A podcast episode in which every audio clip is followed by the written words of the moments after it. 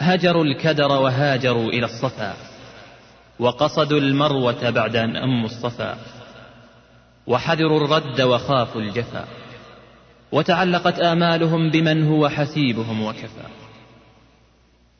نجائب تحمل الأحباب صوابر على الإمضاء والإتعاب. ترفل بالزائرين إلى رب الأرباب ادخرت لهم التحف والبشائر. ونظرت إلى صبرهم على فراق العشائر ودعوتهم إلى نيل الأمل الوافر ورحمت شعث الشعث وغبار المسافر وكتبت في حسناتهم خطوات كل ذي خف وحافر وأربحت تجارة كل وارد نحوي وصادر وأعدتهم إلى منازلهم وما فيهم خاسر فنادهم يأتوك رجالا وعلى كل ضامر. يأتين من كل فج عميق. صبروا على مشاق الطريق. بين هبوط وصعود ومضيق. واحتملوا لأجلي خلق رفيق. وحديت بهم المطايا من كل بلد سحيق. وجانبوا ما يشين وصاحبوا ما يليق. وصبروا ظمأ الشفاء وقلة الريق. فلأسقيناهم يوم لقائي من السلسبيل والرحيق. فنادهم يأتوك رجالا وعلى كل ضامر يأتين من كل فج عميق. الحمد لله رب العالمين على إنعامه فهو ذو الإنعام والنعم. وبعد هذا فآلاف الصلاة على محمد سيد العربان والعجم. والآل والصحب ثم التابعين لهم ملاح برق وسحت أعين الديم. إني نظمت لكم أمر الخليل بما أداه فكري وما أبدى به قلمي.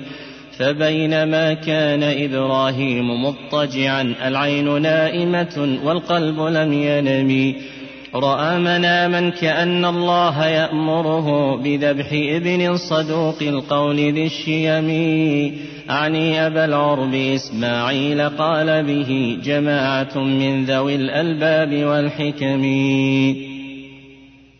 فقال إني أرى في النوم ذبحك يا بني فانظر فما رؤياي بالحلم. فقال يا أبت افعل ما أمرت به مبادرا أنت أمر الله لن تلم لكن والدتي ورحمتاه لها ماذا يحل بها إن خبرت بدمي فأقر والدتي مني السلام وقل لها اصبري لقضاء الله واعتصمي حول لوجهك عند الذبح يا أبتي واغضض بطرفك لا تجزع لسفك دمي فإنما أنا عبد الله يفعل بي ما شاء والله ذو فضل وذو كرم. فاستسلما ثم سار عازمين على إنفاذ أمر إله محيي الرمم. فجاء إبليس يسعى وهو ذو عجل في زي شيخ كبير السن ذي هرم. فقال أنت خليل الله تسمع ما يوحيه إبليس في الأضغان والحلم. أجابه اخسع عدو والله إنك إبليس اللعين قرين الشر والندم.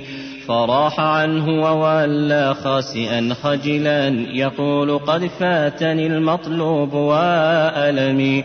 ثم انثنى نحو إسماعيل ممتحنا له يقول ادن مني واستمع كلمي. أبوك يزعم أن الله يأمره بذبحك اليوم. ما هذا من الشيم؟ فقال إن كان رب العرش يأمره فإنني صابر راض بلا ندم. وطاعة الرب فرض لا محيص لنا عنها إذا كتبت في اللوح بالقلم. فراح عنه لنحو الأم قال لها إن ابنك اليوم مذبوح على وهمي. من أجل رؤيا رآها الشيخ حققها يريد إنجازها هل ذا بملتزم؟ قالت نعم ما له بد وكيف له؟ بأن يخالف من أنشاه من عدمي لما رأى اليأس منهم رد مكتئبا يرن أرنان ذات الثكل واليتم. إذ فاته ما جرى منه وأمله وباء بالخزي والخذلان والندم وانقاد للذبح إسماعيل محتسبا لحكم مولاه يمشي حافي القدم. فبينما هو منقاد لسيده ما فيه من جزع كلا ولا سأم. أتى الخليل بسكين فأشحذها حتى غدت مثل برق في دجى الظلم. فقال يا أبتاه ارفع ثيابك لا يصيبها قدر عند اصطباب دمي ويفجع الأم مهما شاهدته كذا فالله يعصمها من زلة القدم. والأم يا والدي مهما رجعت لها فاطلب لي الحل منها واحفظ الذمم وأمر مولاي نفذه بذبحك لي واشحذ لشفرة ذابح يا أبا الكرم كيما يهون علي الموت إن له لشدة لم تصفها ألسن الأمم. قال الخليل فنعم العون أنت على مرضاة ربي فثق بالله واعتصمي.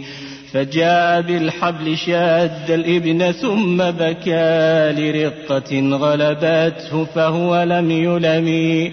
أمر شفرته بالنحر فانقلبت عنه ثلاثا ولم يمسس من ألم. فقال إن شق ذا والنفس ما سمحت فكب وجهي فإني غير مهتضم. فكبه مثل ما أوصاه فانقلبت إذ ذاك شفرته لم تفر من أدمي. والأرض رجت وأملك السماء جأرات والوحش عجت وعم الخطب في الأمم. والله ذو العرش فوق العرش يعجب من إيمان عبديه ما شيء بمكتتم. أوحى لجبريل أن أدركهما عجلا بكبش ضان ربي في روضة النعم أي أربعين خريفا في الجنان رعى يسقى بأنهارها عذبا بلا وحم. فجاء بالكبش جبريل الأمين إلى ذاك الخليل النبيل الطاهر العلم فقال هذا الفداء من عند ربك عن هذا الذبيح جزا هذا دم بدم. فكبر الله جبرائيل حينئذ والكبش كبر أيضا ناطقا بفمي عواقب الصبر تنجي من يلازمها والحمد لله هذا آخر الكلم. ثم الصلاة على المختار أحمد ما غنت مطوقة في الأيك بالنغم والآل والصحب ثم التابعين لهم ملاح فجر فاجل غيهب الظلم